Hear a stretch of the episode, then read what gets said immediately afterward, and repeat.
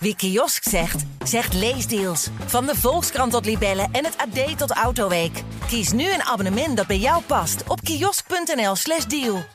Waar ga je heen met De Ondernemer onderweg?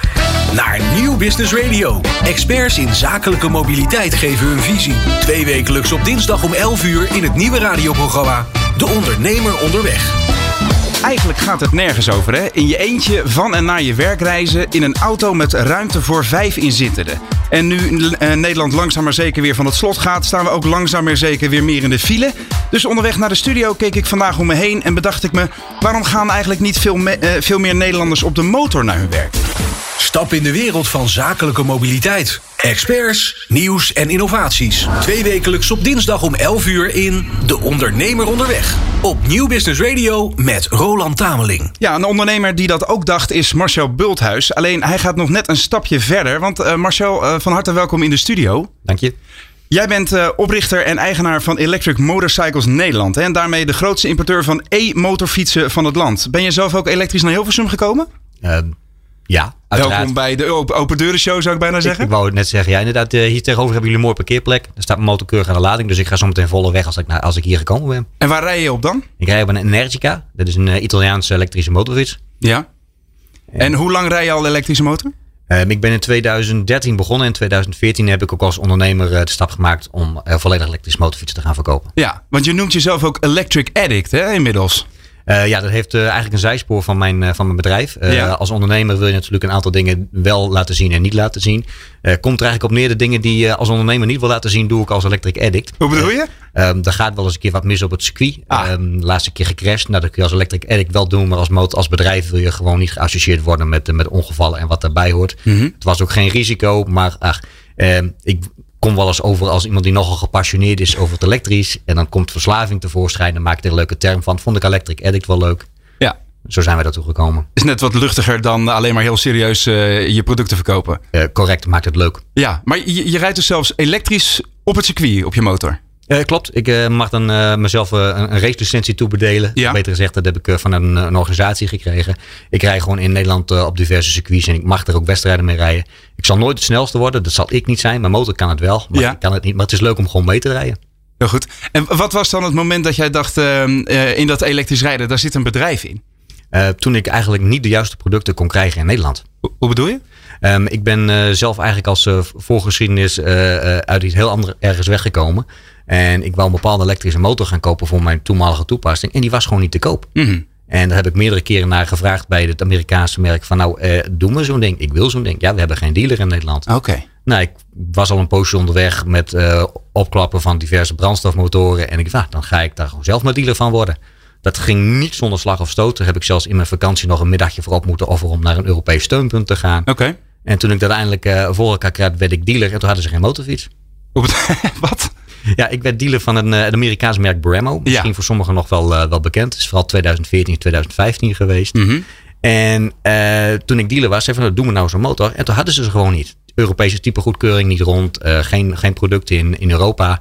En ik heb toen eind 2013 heb ik gewoon in Amerika ingekocht. En laten verschepen naar, naar Europa. Ja. En toen had ik de eerste Bremmo rijdende in Nederland. Je mag dus wel stellen dat je toen al aan het pionieren was.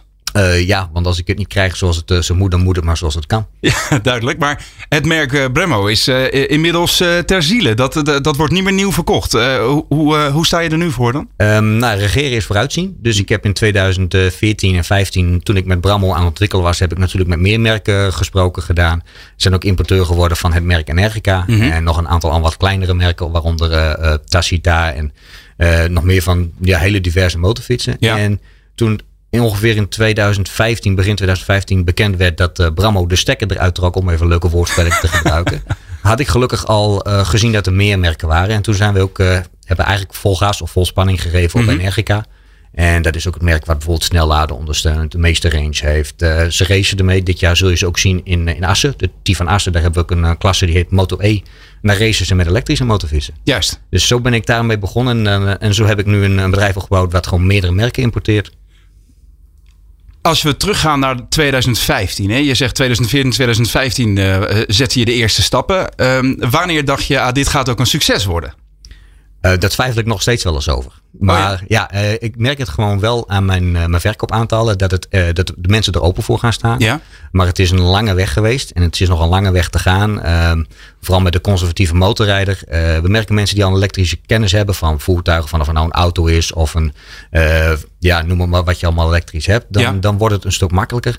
Maar het is een, het is een niche-markt in een niche-markt. Motorrijden is sowieso al niche. Nou, je mm -hmm. geeft het zelf aan. Het is een oplossing voor veel dingen. Alleen ja, worden wel eens tegengehouden door, door diverse, ja, van overheidsorganen tot uh, denkbeelden. Tegengehouden? Hoe bedoel je? Uh, nou, er zijn hele mooie subsidies geweest, bijvoorbeeld voor elektrische auto's. Ja. Nu voor, de, de, voor gebruikte personenwagens. Lagere uh, bijtelling, aanschafsubsidie, dat soort zaken. Ja, wij hebben als uh, motorrijder wel recht op een aantal subsidies. Mm -hmm. We hebben vrijstelling van BPM, de, de bijzondere belasting. Ja, aanschafbelasting. Ja. En daar houdt het mee op. Oké. Okay. Uh, ondernemers hebben wat extra voordelen. Die mogen de milieu-investeringsaftrek en de kleinschalige investeringsaftrek. de MIA en de KIA. Dus Precies. ze zijn vaker voorbij gekomen hier. Ja, ja. Nou, en voor een, voor een consument niet. Gewoon niet. Oké. Okay. Ook niks. Zie je dat veranderen in de toekomst? Um, nou, Ilent heeft uh, toen een promotie opgezet of die, die, die subsidie neergezet voor de elektrische auto's. Ja. Er zijn door meerdere partijen, waaronder mij, maar ook een MAG, een KNV en een BOVAG, hebben daar gevraagd van nou waarom niet voor de motor? Mm -hmm. En dan geven ze een heel wazig antwoord van ja, er zijn er te weinig van. Ja, volgens mij is dat juist het doel van een subsidie om te zorgen dat ja, je dat inderdaad. Dat, dat ja. ja, wonderlijk. Ja, en nee, motorfietsen zien wij niet als iets wat gepromoot moet worden. En je kunt subsidie krijgen op elektrische fiets, elektrische scooter, elektrische ja. bakfiets, elektrische auto, taxi, bestelbus, vrachtwagen. Motorfietsen worden afgewezen. Het begint nu al duidelijk te worden dat je al sinds 2014, 15 letterlijk tegen de stroom aan het inzwemmen bent. Daar ben ik nog wel even, daar gaan we straks nog even over door. Want ik wil eerst nog even um, naar je strategie van Electric Motorcycles Nederland. Want uh, hoe pak je dan uh, het aan om wel die doorbraak te forceren? Um, ik heb uh, ervoor gekozen om veel minder met journalistiek te werken. Veel minder met magazines. Oh jee. Ja, sorry, het is uh, slecht voor, jou, voor jouw brood, om maar even zo te zeggen. Ja? Um, ik benader mijn uh, klanten rechtstreeks. En waarom uh, passeer je de pers dan? Omdat de huidige pers, en je zult het zelf ook gemerkt hebben toen de elektrische auto's opkwamen, ja. vaak uh, anders schrijven, niet begrijpen. Er is ook, ook, ook niks ergens aan. Het is gewoon een nieuwe manier van onderweg zijn. Maar als je dat gaat kijken naar het denkbeeld van hoe je een brandstofvoertuig hebt benaderd, dan kom je alleen maar beperkingen tegen. Mm -hmm. En als je daar een stap in verder gaat, en ik dus zoals ik doe, gewoon rechtstreeks de klanten vertel hoe het wel werkt, heb ik niks te doen met de media. Ja, dan moet ik ook zeggen, ik heb die opkomst van elektrische auto's zelf meegemaakt. Hè. Uh, toen, toen werkte ik bij Autoweek. En uh, de eerste modellen waren ook af en toe wel heel erg matig hoor. Dat, dat je 100 kilometer op een laadbeurt kon halen. Hè, bijna geen laadnetwerk. Hoe is dat eigenlijk in de motorwereld geregeld dan? Nou, het, het, mooie is, wij gebruiken dezelfde laadnetwerk. En toen ik in 2015 voor het eerst met mijn uh, Energica Ego wat uh, bijzonders wou gaan doen, heb ik uh, 1000 kilometer op één dag gereden met het toenmalige laadnetwerk. Ja. En ik kan je vertellen, in 2015 was het beperkt. Toen hadden we maar een aantal aanbieders en een van de weinige ja, aanbieders van, van het snelladen. Mm -hmm. daarmee kon ik zelfs een ronde met de klok mee door heel Nederland gaan doen van 1000 kilometer. Ik heb in 17 uur heb ik 985 kilometer kunnen rijden om aan te geven dat het toen kan. Nu zou ik dat gewoon met twee vingers en neus doen. Toen moest ik het plannen. Ja, ja. Het is natuurlijk nu zo dat als je dat met een elektrische auto uh, zeg maar heel Europa door zou willen, is er al uh, eigenlijk geen probleem meer. Geldt dat voor motoren dan net zo?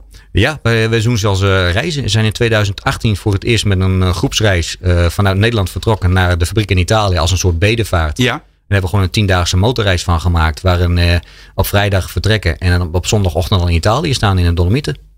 Dat kan ook gewoon. Zonder moeite. Ja. En hoeveel mensen werken dan eigenlijk bij jullie? Um, weinig. Ik probeer het juist uh, lean uh, te houden. Ik ben uh, de, de, ja, de, de man van alles. Ik doe Ja. eigenlijk alles. Van, van het reguliere onderhoud van, van mijn eigen regio. Ja. Daarbij heb ik ondersteuning van mijn partner. Die gewoon een aantal zaken administratief en telefonisch waarneemt. Mhm. En als importeur hebben we een aantal dealers aangesteld. We hebben in Amsterdam hebben we een locatie. We hebben in Nieuw-Zeeland een locatie en in Brabant een locatie. Ja. En met ons vieren kunnen we eigenlijk het hele wagenpark, of motorpark moet ik eigenlijk zeggen, prima in beweging houden. Want we hebben heel weinig onderhoud. Tuurlijk, er is onderhoud. Het blijven motorvoertuigen. Mhm. Er moet eens een keer wat aan de remvloeistof gedaan worden. Uh, banden moeten vervangen worden. En het is minder. Dus we hoeven ook veel minder ons te focussen op de werkplaats. Het is veel meer de motor, motor gewoon leuke dingen mee doen. En onze klanten ook uh, stimuleren leuke dingen te gaan doen. En laten zien dat er meer kan dan alleen maar het woon-werkrijden. Wat heel veel mensen denken. Ja. Mijn klanten kom ik overal tegen. We, we, ik zie foto's voorbij komen. Dan zitten ze het ene weekend zitten ze in Lausanne. Dan in Lutsen. En een, een week later zie ik een fotootje uit Noorwegen tevoorschijn komen. Dus er, er worden ook al serieuze kilometers gemaakt. Maar je geeft net aan dat je zelf één op één met de klanten, je, je benadert ze zelf om ze in jouw filosofie mee te krijgen, zeg maar. Eh, hoe succesvol is dat tot op heden?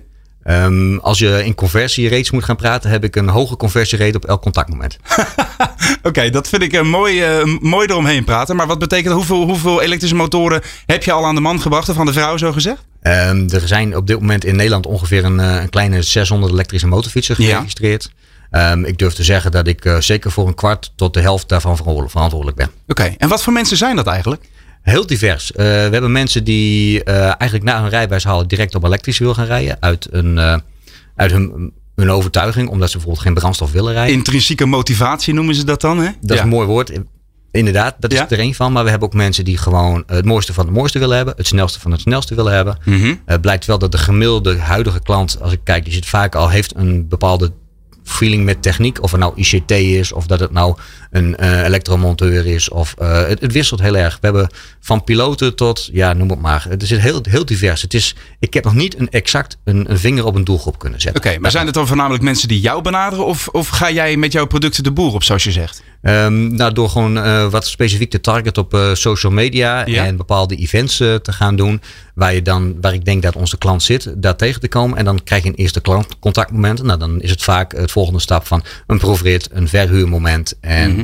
dat bouwt op. We hebben er leads bij waarbij je gewoon zeker een, een, half jaar tot soms wel drie jaar bezig bent om motorfiets te verkopen. En er zijn mensen die komen binnen en die kopen vijf minuten een motorfiets. Oh ja? Het is heel divers. Uh, vaak is het wel, wat blijkt, een aantal jaren geleden duurde de, de lead time langer. Ja. Omdat mensen gewoon nog meer het idee moeten wennen, het is elektrisch. Nou, door de hele opkomst met elektrische auto wordt het voor ons een stuk makkelijker inmiddels. Want uh, de hele perceptie van de toekomstige gebruiker is dat het eigenlijk al wel kan. Ja. Ja. Oké, okay. en wat, wat merk je dan in het... Uh, in het type mensen is dat ook aan het veranderen? Uh, komen er nu ook meer liefhebbers bijvoorbeeld op je pad? Uh, ja, de eerste generatie waren duidelijk de early adapters. Die zelf een eigen weg gaan. Die kiezen van, hey, ik wil dat anders. Ik ga ja. mijn eigen, eigen pad kiezen. Ja. En nu komt er, uh, er zijn van die mooie marketingtermen voor mij. De early majority, die komt dan tevoorschijn. Mensen die het al wel geaccepteerd hebben dat het ook elektrisch kan. En een keuze maken. En, het wordt groter. We merken ja. gewoon dat er, dat er positief ontvangst is. En nou, door zoiets als een race wat bij de Motor E gebeurt. Maar ook dat wij laten zien want mensen volgen ons op onze socials ook gewoon. Mm -hmm. Dat we gewoon uh, 2019 een rondje IJsland gedaan met motorfietsen. Regelmatig naar Italië toe. Dat alles gewoon kan. En ook je gewoon een woon-werk. Ja. Dus je kunt een motorfiets hebben waar je gewoon economisch duurzaam je woon-werk mee kan doen. Mm -hmm. Het weekend ook gewoon een hoop plezier van kunt hebben. Maar het is nog verder van mainstream. Hè? Hoe groot denk je dat deze markt kan worden uiteindelijk? Um, omdat het wagenpark, motorpark, uh, langzamer vernieuwt als uh, bij de auto's, gaat ja. het langer duren. Uh, er zijn best veel oudere motorfietsen bij pad. Die worden ook gewoon vaak goed onderhouden. En dat zal daarom gewoon langer duren. Ja. Maar je hebt echt met liefhebbers te maken natuurlijk ook. Die, die, daar gaan we het straks nog even over hebben. Die, ik ben er zelf ook eentje van. Ik rij heerlijk op mijn oude Moto Guzzi. Omdat hij zoveel lawaai maakt en een beetje naar, naar olie ruikt. Um, dus je hebt nog heel veel zendingswerk te doen, denk ik ook hè? Uh, ja, en eigenlijk het grappige is, wat jij omschrijft, was ik ook. Oké, okay, nou, dan gaan we het straks even uitgebreid over hebben. Want ik weet dat de, de motorbranche eh, nog veel meer dan de autowereld een conservatieve club is. Met mensen die zich hard maken voor hun hobby en vasthouden aan wat ze kennen natuurlijk. Hè. Het zal vast niet makkelijk zijn geweest om die voet aan de grond te krijgen, wat je al zegt, met een vernieuwend product als wat jullie verkopen. Dus uh, daar gaan we straks nog even uitgebreid over door. Altijd onderweg van A naar business? Experts geven hun visie over zakelijke mobiliteit in het nieuwe De Ondernemer Onderweg. Twee wekelijks op dinsdag om 11 uur met Roland Tameling. In De Ondernemer Onderweg duiken we vandaag in de wereld van elektrische motorfietsen. Dat doen we samen met de oprichter en eigenaar van Electric Motorcycles Nederland, Marcel Bulthuis. En Marcel, je vertelde dat jullie verkoop sterk aan het stijgen is, maar je hebt als ondernemer letterlijk en figuurlijk tegen de stroom in moeten zwemmen. Hè? Uh, hoe werd je ontvangen in de motorwereld toen je dit avontuur startte? Um, dan kan ik denk best een kleine anekdote spreken over een van de eerste motorbeurzen die wij gedaan hebben in ja. 2014. Daar kwam ik dan met het merk Bramo voor het eerst uh, op een, ja, toch de motorbeurs, dus de plek waar het seizoen start. Uh, daar werd ik nog net niet bespuugd of beschimpt. Uh, we werden daar uitgemaakt van je maakt het motorindustrie stuk, ah. je bent niet wijs, dat soort dingen meer. Toch verkocht ik daar binnen het uur de eerste motorfiets. Maar om aan te geven dat de hele conservatieve markt, die motormarkt, er lang niet open voor staat. Um, het is gewoon nieuw. Toen was het nog helemaal nieuw. En inmiddels is het, oh, jullie zijn er alweer. Hè? Ja, ze zien er nou wel goed uit. Als ik dat kijk naar de laatste motorbus die we hebben kunnen doen. Ja. Dan staan ze allemaal te kwijlen bij die motorfiets. Omdat ze er gewoon mooi uitzien. Dus daar is wel een hoop veranderd in de tussentijd. Ja. ja maar hoe heb je dat, dat opstarten en het uitbouwen van je bedrijf ervaren dan? Ehm, moeizaam, heel veel uh, drempels. Um, er zijn van die mooie plaatjes dat je een ondernemer op een bo boven op een berg ziet staan en dat een ander ondernemer kijkt van jij hebt wat bereikt. Ja. Maar je ziet niet wat er achter die berg zit. Uh, alleen maar weerstand, uh, hordes, financieel, uitdagingen. niet geaccepteerd worden van jullie horen er niet bij, want het is anders. Je mm -hmm. maakt de wereld stuk, we willen dit niet. Um, ja, dat zijn gewoon moeilijke momenten geweest en daar heb je wel eens last van. Maar op Niels heb ik een, een olifantenhuid en een hele brede rug. Ja? Ja. Maar die drempels waar je het over hebt, heb je daar dan een goed voorbeeld van? Wat was het moment dat je denkt, jeetje jongens, wat, wat, wat is dit? Nee, het is eigenlijk gewoon een continuïteit als je kijkt social media bijvoorbeeld. We zetten er een leuk bericht op, gewoon dat we iets leuks ervaren hebben. Ja. Krijg je van de mensen die, uh, uh, vraag maar of ze meer dan twee hersencellen hebben. uh, okay. Opmerkingen maken van een motor moet geluid maken en ik wil dit en Ja. ik moet werken. En zonder dat ooit te hebben geprobeerd of open te staan voor vernieuwing. Ja. Iedereen heeft recht op zijn eigen mening. Dat heb je van mij ook al een keer ervaren. Iedereen heeft recht op een mening, maar je moet wel gebaseerd zijn op feiten. Je moet het Ja, maar- ervaren hebben. Juist bij motorrijden denk ik dan, ik spreek ook uit ervaring, het is een, het is een liefhebberijproduct. Hè? Eh, Als ik naar mezelf kijk, ik rij een oude Moto Guzzi uit de midden jaren 90. Dat ding dat maakt lawaai, dat schudt, het, het praat tegen me onderweg. Als ik een versnelling te hoog, eh, in een versnelling te hoog de bocht uit eh, accelereer, zeg maar, dan lijkt hij een beetje tegenzin te hebben. Er zit een ziel in dat apparaat. Ik wil ook dat die, dat die motor lawaai maakt. Hè? En, maar jij gaf net zelf ook al aan dat je dit zelf ook hebt ervaren. En toch ben je overgegaan. Ja, ik rij motor sinds mijn achttiende. Ik ben nu net ergens over de 40 heen, dus ik ben al een paar jaar onder, onderweg. Ja. Ehm, ik heb ge- begonnen ben ik eh, toen ik mocht met mijn niet meer beperkte rijwijs met Buell, Harley Davidson, Ducati en MV Agusta. Ja, dat zijn, zijn- allemaal geen stille motoren. Nee, het was zelfs zo erg als ik voorbij kwam. Zelfs als ik hier voorbij zou komen, zou de studio hier er last van hebben hoeveel herrie ik maakte. Ja, Eh, ik had geen demping erin zitten. Ik was precies zoals jij nu omschrijft. ja, En pas toen ik het ging doen, het werkelijk heb ervaren, was voor mij de stap van hé, hey, wat heb ik altijd al die jaren gedaan? Wat heb je gemist dan eh, op die motoren die wel geluid maakten? Ehm, moet ik even recapituleren doen wat je, wat je zegt? Wat mis ik aan de motorfietsen van toen of aan de motorfietsen van nu? Nee, wat mis je aan de motorfietsen van toen, zeg maar? Wat, wat biedt elektrisch rijden wat die anderen niet bieden?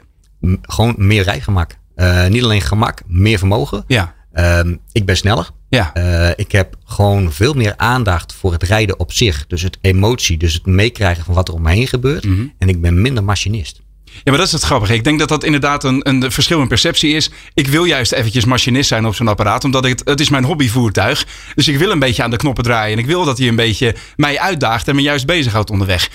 Dus in die zin denk ik dat het een ander type motorrijder is, dat elektrisch gaat rijden. Of zie ik dat verkeerd? Nee, ehm, ik denk dat je dat een keer moet ervaren. En dat is ook precies, eh, nou, je komt nu zelf in het lijn waar, eh, waar, eh, waar ons overtuigingsmoment komt en het weerstandmoment vanuit jou. Ja, Dan nodig ik je bij deze ook uit om een keer bij mij te komen rijden. En dan ga ik jou vertellen wat het anders is. Want er zit namelijk eh, instellingen in. Hoe je de motorfiets aan kunt passen aan jouw manier van rijden. Maar ook de omgeving waar je rijdt. Mhm. Eh, motorrem bijvoorbeeld is, is instelbaar. Het moment van accelereren is instelbaar.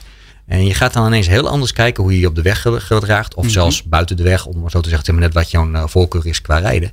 Eh, ik krijg er heel veel voor terug. Ik dacht dat ik wat zou missen, maar ik krijg juist wat extra's terug. maar mis je die oude, brullende, naar olie ruikende machines niet dan? Nee, want ik ben liever onderweg dat ik stilsta.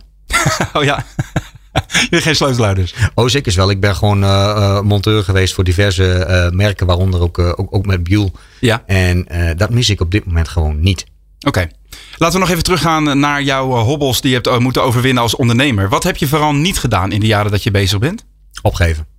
ja, oké. Eh, Zijn er door- momenten geweest dat je dacht, jongens, ik, ik hang die batterijdingen in de, in de wilgen?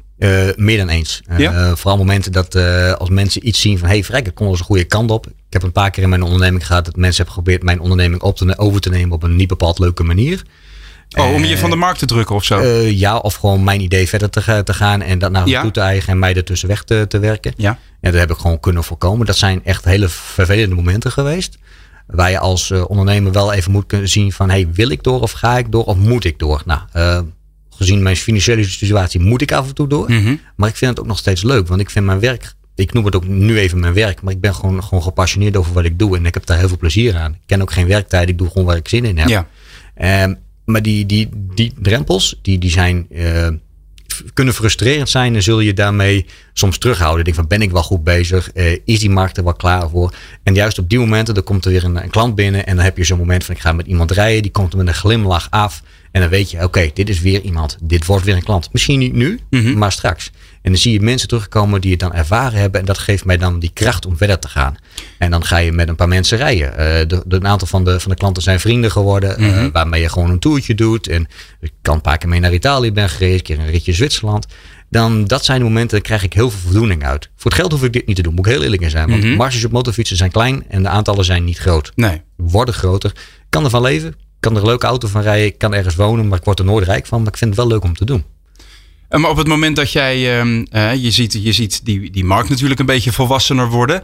Begin je nu langzaam maar zeker het idee te krijgen dat hier een betere eh, boterham in zit de komende jaren? Ja, de, ehm, toen ik dan met, eh, in 2014 en 15 met Brammo ging het ineens heel vlot door een bepaalde prijsdaling. Ja. Toen kreeg ik eh, een, een plan wat ik vijf jaar voor uitgetrokken had, had ik in, in zes maanden tevoorschijn. Want ik kreeg om het voor elkaar krijgen om in half 2014 eh, ongeveer een 40 motorfietsen te kunnen verkopen.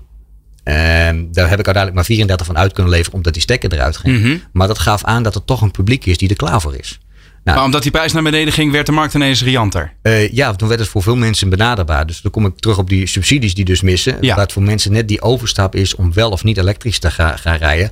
Zodat ze de prijzen ook gewoon, verkoopprijzen, aankoopprijzen, gelijk zijn als een brandstofmotor. Ja. Uiteindelijk zijn de total cost of ownership bij een brandstofmotor en een elektrische motor zijn al duidelijk verschillend. Elektrisch is al veel goedkoper, ondanks de gemiddeld iets hogere aanschaf. ja, dan heb je het over de, de kosten voor bezit en gebruik. Ja, klopt. Ja. Dus, eh, dus, dus je, je kilometerkostprijs met oog op energie, ehm slijtage delen en al die zaken Ja. meer. Eh, dan heft gauw op tegen een iets hogere aanschafprijs. We hebben ook een rekensommetje gemaakt. Vanaf een 6000 kilometer per jaar ben je met elektrisch al goedkoper uit. Ondanks dat de, misschien een brandstofmotor goedkoper is. Ja, maar laten we nog eens even eh, inzoomen op die producten. Want er is nog, nog niet zo heel veel te kiezen überhaupt. Hè? Je, je zegt net eh, Energica doet dan wat. Eh, er zijn nog wat andere kleine merkjes. Harley Davidson heeft dan de Livewire. Hè? Ja, klopt. Ehm, maar daar blijft het ook wel een beetje bij hangen. Ehm, er zijn een hele hoop, net als wat in de auto-industrie gebeurde, merken die wel laten zien dat ze met iets bezig zijn. Ja. BMW heeft net een, eh, die heeft al jaren een elektrische, goede elektrische motorscooter. Die hebben ook eh, recent iets neergezet bij een soort sportmotor. Eh, Kawasaki heeft een, een, een, een, een concept waar ze, wat ze aan het uitwerken zijn. Ja. Zo zijn er wel meer merken. Ehm, alleen werkelijk iets neerzetten. Dan praat ik even nu even over nou, de grote Amerikaanse voorbeeld als Tesla. Die een eigen merk neerzet. Alleen maar elektrisch en daarop gespecialiseerd. Dat zijn er maar een paar. Ja. En waarom wordt die markt nog niet omarmd dan? Ehm, diezelfde terughoudendheid, die kom je overal tegen. En eh, ik merk nu dat zoals bij de merk zoals Energica, eh, dat daar gewoon veel vraag naar gaat komen. Ik heb nu een wachtlijst. Ik heb eh, heel veel motorfietsen besteld. Die moeten, nou ja, door COVID is het allemaal wat traag gegaan, Mhm. maar die moeten nog uitgeleverd worden. Mensen moeten nu gewoon eh, behoorlijk lang gaan wachten op een motorfiets. En je had het net al over het bereiken van je publiek, hè? Eh, je gaat eh, zelf evenementen doen en, de, en, en dergelijke. Wat doe je nog meer dan om jouw, eh, nou, ik wilde zeggen olievlek, maar dat is het niet echt. Hè? Het is een soort Spanningsveld. Een spanningsveld, heel goed, dankjewel. Om, om die uit te breiden over Nederland. Ehm wij hebben de verhuur. Wij vinden, we hebben een partnerschap met, met Motorshare bijvoorbeeld. Ja. Om veel motorfietsen te kunnen verhuren. Zodat mensen kunnen gaan proberen. Want als je het geprobeerd hebt, dan ga je het begrijpen. Eh, uiteraard doen wij zelf gewoon eh, eh, proefritdagen. Je kunt gewoon bij een dealer terecht om een, een proefrit te doen. Mhm. We staan in de wintertijd doen we wat, vaak wat ander soort events. Wat meer mobility gesurfd. Dus november hebben we ook weer een event waar nou, we gewoon weer onze merken laten zien. Ehm, dan heb je het over eh, bijeenkomsten op een circuit of iets dergelijks. Of wat, wat moet ik dan voor me zien? Net dat kan heel divers zijn eh, van een, een, een event in een hal. Waar gewoon een aantal standhouders zijn. Waar elektrische auto's te vinden zijn. Waar, eh waar als motorrijder ook de elektrische motorfietsen laten zien. Eh, gewoon een normale beurs om ook toch gewoon ons te laten zien dat we er zijn. En we proberen natuurlijk via social media gewoon te triggeren om eens een keer bij ons komen proefrijden. We zijn zelf ook gewoon eens een keer een eventje gedaan. Maar ja, met COVID is alles wat rustig en, en kalm. Dus we hebben afgelopen jaar heel weinig kunnen doen. Ja. We hebben ook wel eens van die momenten gehad, hebben we een Experience Electric. Dan gaan we gewoon op één locatie. Dan hebben we 15, 20 motorfietsen regelen we. En dan is het mogelijk om gewoon eh, onder begeleiding een 10, 20 minuten eens een keer kennis te maken met een motorfiets. Ja. En het blijkt dat die mensen daar een eerste kennismaking hebben. Die nemen die, die, die dat gevoel mee terug. Die gaan een keer huren. En dat worden uiteindelijk onze klanten. En dan begint het batterijtje te laden, zo gezegd. Ja. En wat is dan jouw boodschap tegen die verstokte motorrijders die op hun pruttelende Harleys en eh NV Agusta's en Moto Guzzi's zitten? Die, eh, kijk, begrijp me niet verkeerd. Hè? Ik ben niet sceptisch, want ik, ik, ik vind nieuwe technologie super gaaf. Maar ik, ik ken alleen maar mijn eigen gevoel wat ik heb op die Guzzi. En dat wil ik niet kwijt. Maar wat is dan jouw boodschap tegen mensen zoals ik, die denken van ja, ik weet niet of ik wel elektrisch wil gaan rijden? probeer het eerst eens voordat Mhm. je een oordeel geeft. Ja. Dus eigenlijk had ik gewoon eerst even moeten gaan rijden voordat we dit gesprek in zouden duiken. Eh, we kunnen natuurlijk een opvolging hierop doen. Eerst eens een keer rijden en dan maak je wat opnames. En dan gaan we jou eens laten zien wat, eh, wat het anders is. Ja, heel goed, heel goed. En eh, je zei al wel van je, je omzet en je, en je afzet van de motoren. Er is notabene een wachtlijst. Zal ook met COVID te maken hebben, neem ik aan. Ehm, maar zie je de, eh, de bereidheid en ook de publieke opinie dan heel snel veranderen de laatste tijd? Zoals we dat nu bij elektrische auto's zien. Want het is nu voor het eerst dat bijvoorbeeld mijn vrienden zeggen van... oh ja, ik wil eigenlijk wel elektrisch gaan rijden. Zie je dat, eh, datzelfde beeld in de motoren? Eh, ja, het begint al meer. Het is eh, nou, zo'n spanningsveld wat zich uitbreidt. De huidige klanten be- be- beïnvloeden natuurlijk ook andere, andere rijders. Er wordt heel veel gevraagd. Mensen zijn nieuwsgierig. Als je sociale media, motorforums en al die zaken ziet, er wordt er heel veel over gesproken. Ja. En al meer vooroordelen worden minder. Maar je mensen moeten het gewoon zelf eens een keer, eh, keer gaan, gaan proberen. Dat is gewoon eigenlijk het belangrijkste. Ja. Maar ik merk wel dat er, eh, het verandert heel erg. Ja. Vooral door de perceptie van de auto. eh, dat mensen er weten wat een elektrisch voertuig kan doen. Dat je kunt laten zien dat je er gewoon overal mee heen kunt. Dat je gewoon hetzelfde kunt doen. Of zelfs meer als met een, eh, met een brandstofvoertuig. Ja, het, verandert positief. Nou, ik heb, ik heb je ook inmiddels leren kennen als iemand die zich echt vastbijt in die, ja, die, die constante negatieve emoties die je dus al jarenlang aan het doorbreken bent.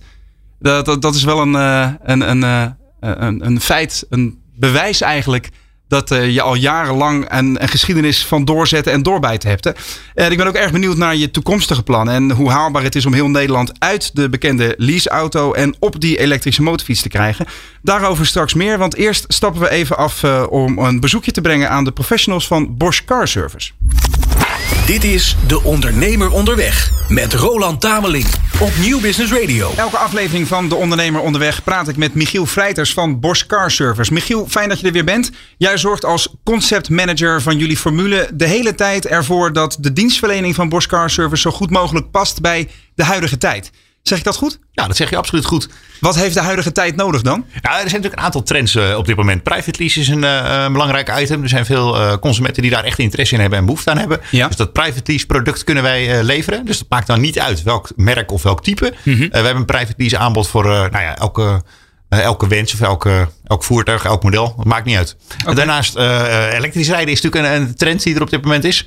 Ehm, wij zijn op dit moment bezig om alle monteurs die wij hebben te scholen en te trainen voor het onderhoud in elektrische voertuigen. Mhm. A, dat ze dat op een veilige manier doen. Dat is ook echt gecertificeerd. En B, dat ze ook echt eh, nou, al die stappen weten te doorlopen. Software updates eh, kunnen uitvoeren, et cetera, et cetera. Dus we zijn eigenlijk op die manier al klaar voor de toekomst. Absoluut, Ja. absoluut. Wat ik me heb laten vertellen is dat ook eh, in veel elektrische auto's ehm, onderdelen van Bosch in de aandrijflijn zitten al. Geeft dat jullie nog een bepaald voordeel? Ja, zeker weten. Wij zitten natuurlijk bovenop die techniek. Zijn in heel veel gevallen de, de uitvinder van die techniek of de ontwikkelaar van die techniek. Eh, daardoor hebben de monteurs bij een Bosch Car Service bedrijf gewoon direct toegang tot alle schema's, technische informatie, noem het maar op. En mocht er dan een keer een storing zijn, eh, ja, dan hebben we gewoon al die eh, documentatie bij de hand. Duidelijk. Je hoort wel eens zeggen dat elektrische auto's slecht nieuws zijn voor autobedrijven en, eh, en eh, specialisten met een werkplaats. Want ze hebben veel minder onderhoud nodig dan een auto met een brandstofmotor, hè, een benzine- of een dieselmotor. Geen olie verversen, veel minder filters verversen. Geen versnellingsbak waar eh, ingewikkelde draaiende delen in zitten. Wat geeft dat voor gevolgen eh, voor jullie, voor Bosch Car Service? Ja, niet. Het is gewoon ander onderhoud wat zo'n auto nodig heeft. Ja. Eh, ze hebben zeker nog, nog onderhoud nodig. Ze zijn veel zwaarder vaak ook die auto's. Dus een aandrijflijn heeft, krijgt veel te voortduren. Het remsysteem krijgt vaak veel te voortduren. Of de, de wielophanging. Ja. Daarnaast banden slijten vele malen sneller. Maar wat heel veel mensen niet weten. Heel veel componenten zitten natuurlijk ook gewoon nog op zo'n elektrische auto. Die op de traditionele auto ook zitten. Een interieurfilter. Een 12 volt systeem met gewoon een 12 volt accu. Ruitenwissers. eh verzin het maar. Een koelsysteem voor de batterijen. de Sensoren. batterij- sensoren. Eh, dus ja, het onderhoud eh, verandert, maar is zeker nog nodig. Ja, ja, precies. Dus in die zin voldoende continuïteit voor de komende jaren in jullie werkplaatsen. Zeker, zeker. Ja, en dan kan ik me voorstellen dat er bij ondernemers nou, best wel wat argwaan leeft. Je hoort het ook wel over de inzet van elektrische auto's. Hoe goed zijn ze inzetbaar voor de dagelijkse praktijk, maar ook hoe goed zijn ze na een aantal jaren. Eh, wat kun je zeggen tegen mensen die ehm, aan het ja, overwegen zijn om een gebruikte elektrische auto te kopen? Nou ja, in eerste instantie eh, natuurlijk kom naar het Bosch Car Service netwerk. Eh, maar nou ja, mocht je dat nou toch niet gedaan hebben, laat je auto wel bij een Bosch Car Service controleren. Want het is heel erg belangrijk om de state of health en de state of charge van het batterijpakket te laten controleren. Wat houdt dat in? nou voor de een, leken. bij een nieuwe auto is dat 100%. Maar op een gegeven moment loopt dat wat terug. Het is eigenlijk net zoals met je telefoon. Ja. De accu gaat steeds iets sneller leeg. Nou, als je nu natuurlijk gewoon goed weet wat jouw dagelijkse woon-werkverkeer is, hoeft dat helemaal niet niet erg te zijn uh, als jouw accu bijvoorbeeld nog maar 93% state of health heeft. Mm -hmm. want dan kan dat nog prima binnen jouw woon-werkverkeer passen en is dat goed. Maar je moet dat van tevoren wel weten. Ja. En zelf kan je dat niet zien aan de buitenkant van die elektrische auto. dus laat dat gewoon controleren bij je Bosch bedrijf. Het is eigenlijk een soort aankoopkeuring voordat je daadwerkelijk je handtekening onder het contract zet. Ja, absoluut. Ja. Zijn er verder nog zaken waar we op het gebied van elektrisch rijden, bijvoorbeeld uh, voor mensen met een groter wagenpark, uh, iets kunnen zeggen over wat jullie doen? Nou, het, het, handige is natuurlijk bij ons, als je een grote wagenpark hebt, dan heb je vaak meerdere voertuigen van verschillende merken. Ja. Um, dan is het vaak zo dat je voor elk merk auto een afspraak hebt met een dealerbedrijf of een garagebedrijf bij jou in de Precies. buurt. Bij ons is het voordeel, je, hebt maar, uh, je kan met al die verschillende merken en modellen bij één bedrijf terecht. Uh, dat is denk ik gewoon verschrikkelijk makkelijk. Eén aanspreekpunt voor het beheer van jouw complete wagenpark. Ja, en nog één knuppel in het hoenderok. Even advocaat van de duivel. Ik weet dat er, nou ja, zeker hè, elektrische auto's zijn relatief nieuw. Uh, de fabrikanten zijn ook een beetje aan het uitzoeken. Uh, teruggroepacties zijn relatief veel aan de orde. Uh, hoe gaan jullie daarmee om? Nou, op een hele makkelijke manier. Iemand die in onderhoud is bij Bosch Cars, dus laten wij natuurlijk nooit in de steek. Dus als zo'n auto ja, een teruggroepactie heeft, dan regelen wij in heel veel gevallen dat die auto terug naar de dealer toe gaat. Dat de teruggroepactie wordt uitgevoerd en hij komt daarna weer terug naar ons en dan geven wij hem weer aan de ondernemer. Kijk, wat, wat doe je dat toch soepel? Mooi? Ja, ik vond het lekker gaan weer. Dankjewel Michiel. Uh, ja, je hoort het al hè. Voor steeds meer ondernemers is elektrisch rijden niet alleen een wens, maar ook een must. Hè. Het begint steeds vaker voor te komen dat je bijvoorbeeld uh, als je, stel je bent een hovenier, dat je in de toekomst niet meer met je brandstofauto het centrum van een grote stad in mag bijvoorbeeld. Dan is het goed om te weten dat je ook dus in een auto of een bus op batterijen veilig en soepel op weg wordt geholpen en gehouden door de specialisten van Bosch Car Service. Hey, en Michiel, laatste dingetje nog. Wij gingen in een eerdere aflevering de weddenschap aan dat je van elke willekeurige plaats in Nederland maximaal een kwartier onderweg bent voordat je bij een Bosch Car Service vestiging uitkomt. Nu ben ik er niet aan toegekomen om heel Nederland te checken, voor de duidelijkheid. Maar wat denk je vanaf mijn huis? In Rijswijk. Nou, dat moet toch zeker binnen de 10 minuten uh, moet dat lukken. Drie minuten. Kijk. Mits het verkeerslicht mee zit, zeg maar. Ja, dat zit heel, heel dichtbij. En de volgende Bosch Car Service is minder dan 9 minuten rijden. Dus dat is ook al heel netjes. En Hetzelfde geldt eigenlijk voor hier in Hilversum. Hè. Vanaf de studio is het letterlijk acht minuten rijden voordat je bij Willem Veldhuizen in de werkplaats staat. Dus uh, van die belofte, nou ja, jullie zitten altijd in de buurt. Dat is wel duidelijk. Die kom je in ieder geval na. Super. Ja, en ik weet zeker, hier in de buurt zitten er nog veel meer. Als je een cirkeltje om onze huidige locatie trekken, weet ik zeker dat je binnen 10 minuten bij drie, vier verschillende postcardsbedrijven terecht kan. En die ken je ook allemaal bij naam, volgens mij, hè? Absoluut, ja, absoluut. Ja, het is een mooi bedrijf. Dankjewel, Michiel. Graag gedaan. Altijd onderweg van A naar business? Experts geven hun visie over zakelijke mobiliteit in het nieuwe De Ondernemer Onderweg. Twee wekelijks op dinsdag om 11 uur met Roland Tameling. Ja, Marcel, uh, Michiel Feiters van Bosch Car Service uh, zegt het ook al. Uh, elektrisch rijden is natuurlijk enorm in opkomst. En het onderhoud van die voertuigen wordt natuurlijk ook steeds belangrijker. Hoe zit het eigenlijk met het onderhoud van elektrische motorfietsen? Nou, net uh, als uh, bij Bosch Car Service gezegd wordt, dat blijven voertuigen. Uh, ja. Voor eigen veiligheid willen wij ook altijd graag een motorfietsen minimaal onder 10.000 kilometer of één keer per twee jaar een keer terugzien. Mm -hmm. Waarbij we ook de cruciale punten oppakken, zoals remvloeistof, banden, dingen die misschien een bestuurder zelf niet zou kunnen zien. Ja. Die wil meenemen, uiteraard mogelijke software updates gewoon de veiligheid van, van, van de mens. Ja, we hadden het net al even over. Hè. Uit de autowereld ken ik het, uh, het ook al. Dat TCO, hè, Total Cost of Ownership, wordt vaak gezegd als een, als een positief argument voor elektrisch rijden. Omdat de algemene gebruikskosten en bezitkosten veel lager zijn dan bij een brandstofvoertuig. Um, dat is dus vergelijkbaar bij elektrische motoren, begrijp ik van jou. Uh, ja, de kosten zijn lager. Wij hebben gemiddeld een uur, anderhalf nodig voor een, uh, wij, wat wij dan een grote onderhoudsbeurt uh, noemen. Ja. ja, kijk, als de bandjes en dat soort dingen mee vervangen worden, zit er wat meer tijd in. Ja. Maar een regulier onderhoud is gewoon een, goede veiligheidscheck. Ja, hoe zit het eigenlijk met de, de aanschaf van zo'n motorfiets? Is dat al een beetje vergelijkbaar met een brandstofmodel? Niet? Ligt eraan waar je mee gaat vergelijken. Kijk, als je een een Energica, dat is een Italiaanse volbloed sportmotor, gaat vergelijken ja. met uh, niet, niet de nadelen van wat voor merk ook, maar mm -hmm. Een uh, goedkope motorscooter, ja, dan is een motorfiets duur. Ja. Maar ga je hem meepakken waar die hoort? De, de Energica, bijvoorbeeld de, de Eva Rebel, dat is een van de, de, de Street Fighter, de, de Naked met echt heel veel prestaties. Mm -hmm. Die hoort in dezelfde lijn als een Ducati Monster S4R en weet ik hoe die afkorting heet. Ja, dat zijn vergelijkbare prijzen. Dus dan, dan hebben we het over een, een, rug of 30 zomaar. Ja, ongeveer. Ja. En grappig is, dan zitten de prijzen heel dicht bij elkaar. Mhm. Of je nou toevallig een of andere dik aangeklede BMW hebt, uh, GS-achtig iets. Ja. Die zitten ook rondom de 28 tot 30.000 euro. Tuurlijk zijn er wat goedkoper uitvoeringen en met wat meer accessoires. Dus die prijzen liggen al redelijk in de buurt. Maar dat is wel een flinke drempel, want je hebt het dan meteen over de topklasse in, in motorland. Hè? Ehm, eh, een gebruikte motorfiets bij jou bijvoorbeeld, wat, uh, wat kost me dat? Um, ik heb nu Energica's die binnenkomen qua inruil. Mensen die hun fiscaliteit hebben gehad, nu kiezen voor een nieuw model. Ja. Uh, dat wisselt een beetje van hoe ze eruit zien. sommige mensen zijn wat netter als anderen. Maar vanaf een 12, 13.000 euro hebben wij al gebruikte Energica's uit 2016, 2017. Die nog steeds dezelfde dagrange hebben als een nieuwe. De range op een lading is misschien iets minder, omdat mm -hmm. het accupakket gewoon bij een nieuw type groter is.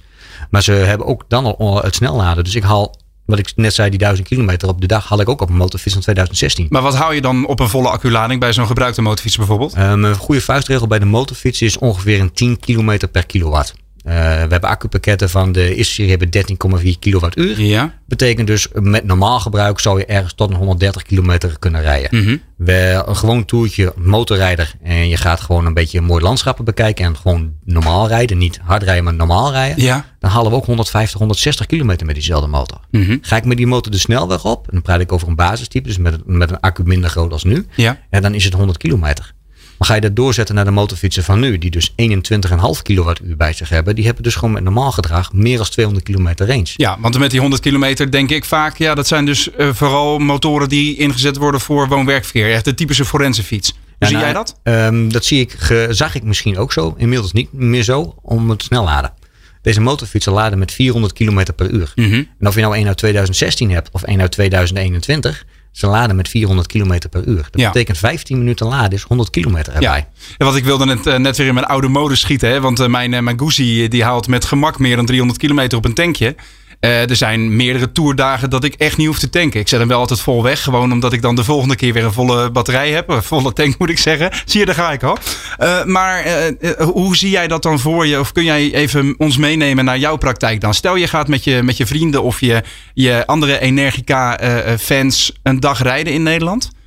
Hoe laat je dan bij en hoe noodzakelijk is dat? Nou, je gaf het zelf al aan. Jij zet je motor al vol weg. Dus dat Ja. betekent dat je elke dag minimaal even tankt om hem vol weg te zetten. Ja, ik rijd niet elke dag, maar... nee, maar als, stel je voor, eh, als jij morgen gaat rijden, zet je hem vandaag eh, met een volle tank weg. Ja, Ik niet. nee. Maar Ik- goed, ik- als ik, als ik op mijn brandstofmotor zou forensen... dan zou ik een week lang kunnen forensen zonder bij te tanken. Klopt. En ik ga een week lang forensen zonder enige extra handeling te doen om te tanken. Want wat mij gebeurt mij namelijk, als ik s'avonds thuis kom en dan heb ik de accu bijvoorbeeld helemaal leeg, of beter gezegd, als ik meer dan 10% aangekomen ben, dan heb ik niet hard genoeg gereden. dan gaat de stekker erin. Ja, ja. En de volgende ochtend is hij 100% vol. Ja, en dat is exact dezelfde handeling als dat ik hem s'avonds aan de druppellader zet... om te voorkomen dat de normale 12 volt accu leegloopt. Precies, het is een handeling van nog geen, eh, geen 15 tot 20 seconden. Je komt thuis, buddy zit open, stekker erin. En de volgende dag is hij weer vol. Ja, En dat doe je elke keer. En of je dat toevallig nou in Italië doet of in Nederland of waar dan ook, dat maakt niet uit. ja. Op het moment dat ik dan een dagroute ga doen, dat betekent dat als ik 's morgens wegga, die motor vol is. Dus ik hoef geen, niet op moet ik nog tanken? Nee, ik hoef niet te tanken. Mhm. Ik ga dan ergens heen waar eh, nou, we elkaar ontmoeten, want er rijden meer mensen. Dat kan bij een tankstation zijn, dat kan bij een, eh, een horecagelegenheid zijn. Ja. En op het moment dat ik daar sta te wachten op de rest van de mensen die ook komen, gaat die stekker erin.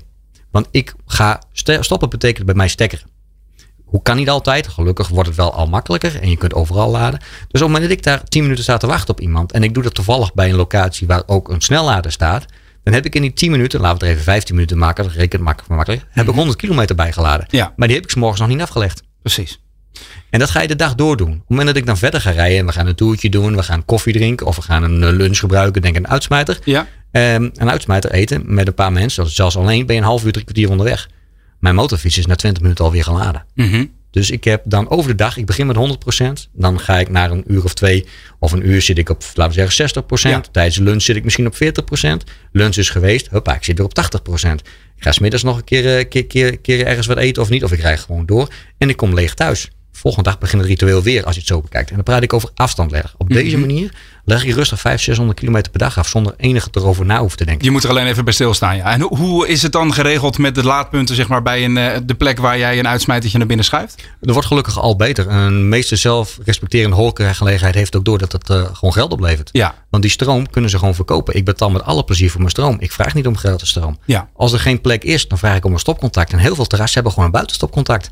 Staan meer dan eens, vooral in het buitenland. In Nederland is dat niet meer zo, maar in het buitenland wel eens op een terras gestaan, midden tussen de, de stoeltjes. Oh ja. Met een motorfiets. ja, dat was vooral in 2018 onze eerste reis naar Italië wel eens een keer een momentje geweest. Mhm. En inmiddels hebben die mensen ook gezien, hé, hey, daar kan ik dus gewoon geld aan verdienen. Precies. Dus we kunnen wel concluderen dat de elektrische motorfiets prima bruikbaar is voor plezierritten. Ehm, en ik zei het aan het begin van de uitzending al. Hè? Het zou ook een ultieme vervanger kunnen zijn voor de woon-werkauto. We hebben inmiddels eh, zien we ook wel dat de leaseauto een beetje uit de gratie raakt. Hè? Omdat we steeds minder kilometers maken. Waarom breekt de elektrische motorfiets niet door als vervanger van de woon-werkauto? Uh, heeft ook te maken met een aantal uh, regelingen. Uh, nou, de, de, subsidies die ik eerder noemde, fiscaliteit, is alleen ja. voor ondernemers. We, de private lease is duidelijk een opkomende sector voor in de auto. Motorfiets wordt niet interessant gemaakt omdat er weinig leasemaatschappijen zijn die een elektrische motor aan durven of kunnen bieden. Waarom is dat? Um, het blijkt dat de, de, de aantallen nu gewoon te laag zijn. Het is niet hun core business. We Ja, hebben een aantal motorfietsen zelfs in operationele lease draaien.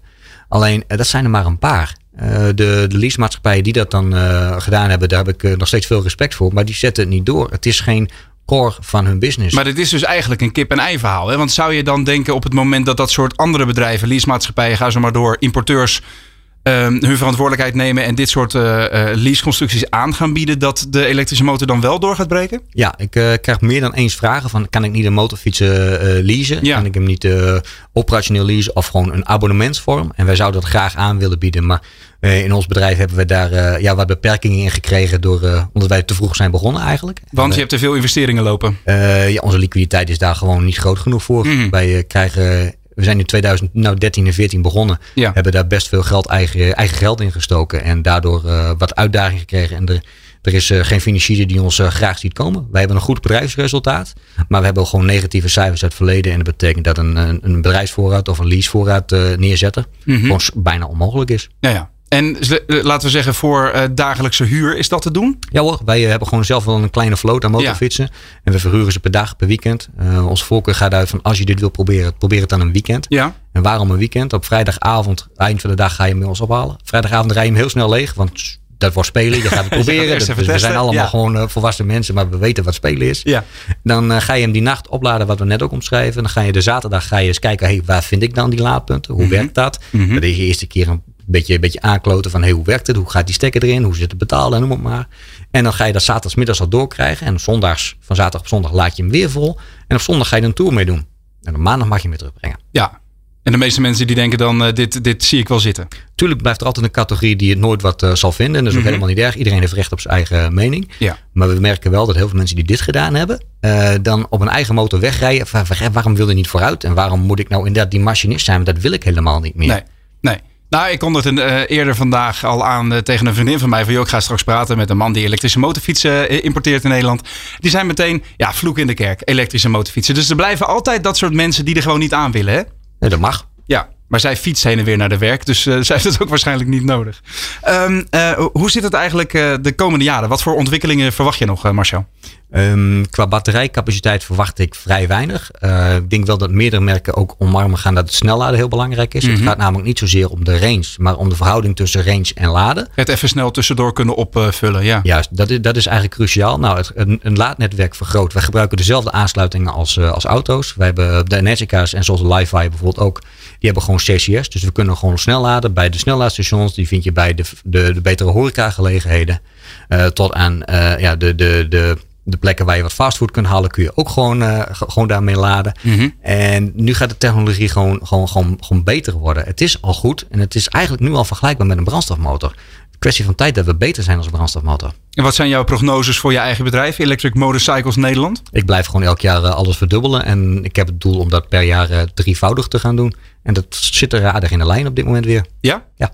Waarop baseer je die verwachting? Um, aanvragen. Oké. Okay. Gewoon mensen die toch komen, een uh, keer proefrit komen maken. Die nu begrijpen dat het elektrisch er wel voor uh, aan gaat komen. Uh, misschien jouw vriendin niet, maar jij bent wel getriggerd om een keer bij mij te komen rijden. Mm -hmm. Ja, absoluut. Dat gaan we zeker een keertje doen. Ja. Maar je ziet dus onder het wateroppervlak al wat meer bereidheid borrelen.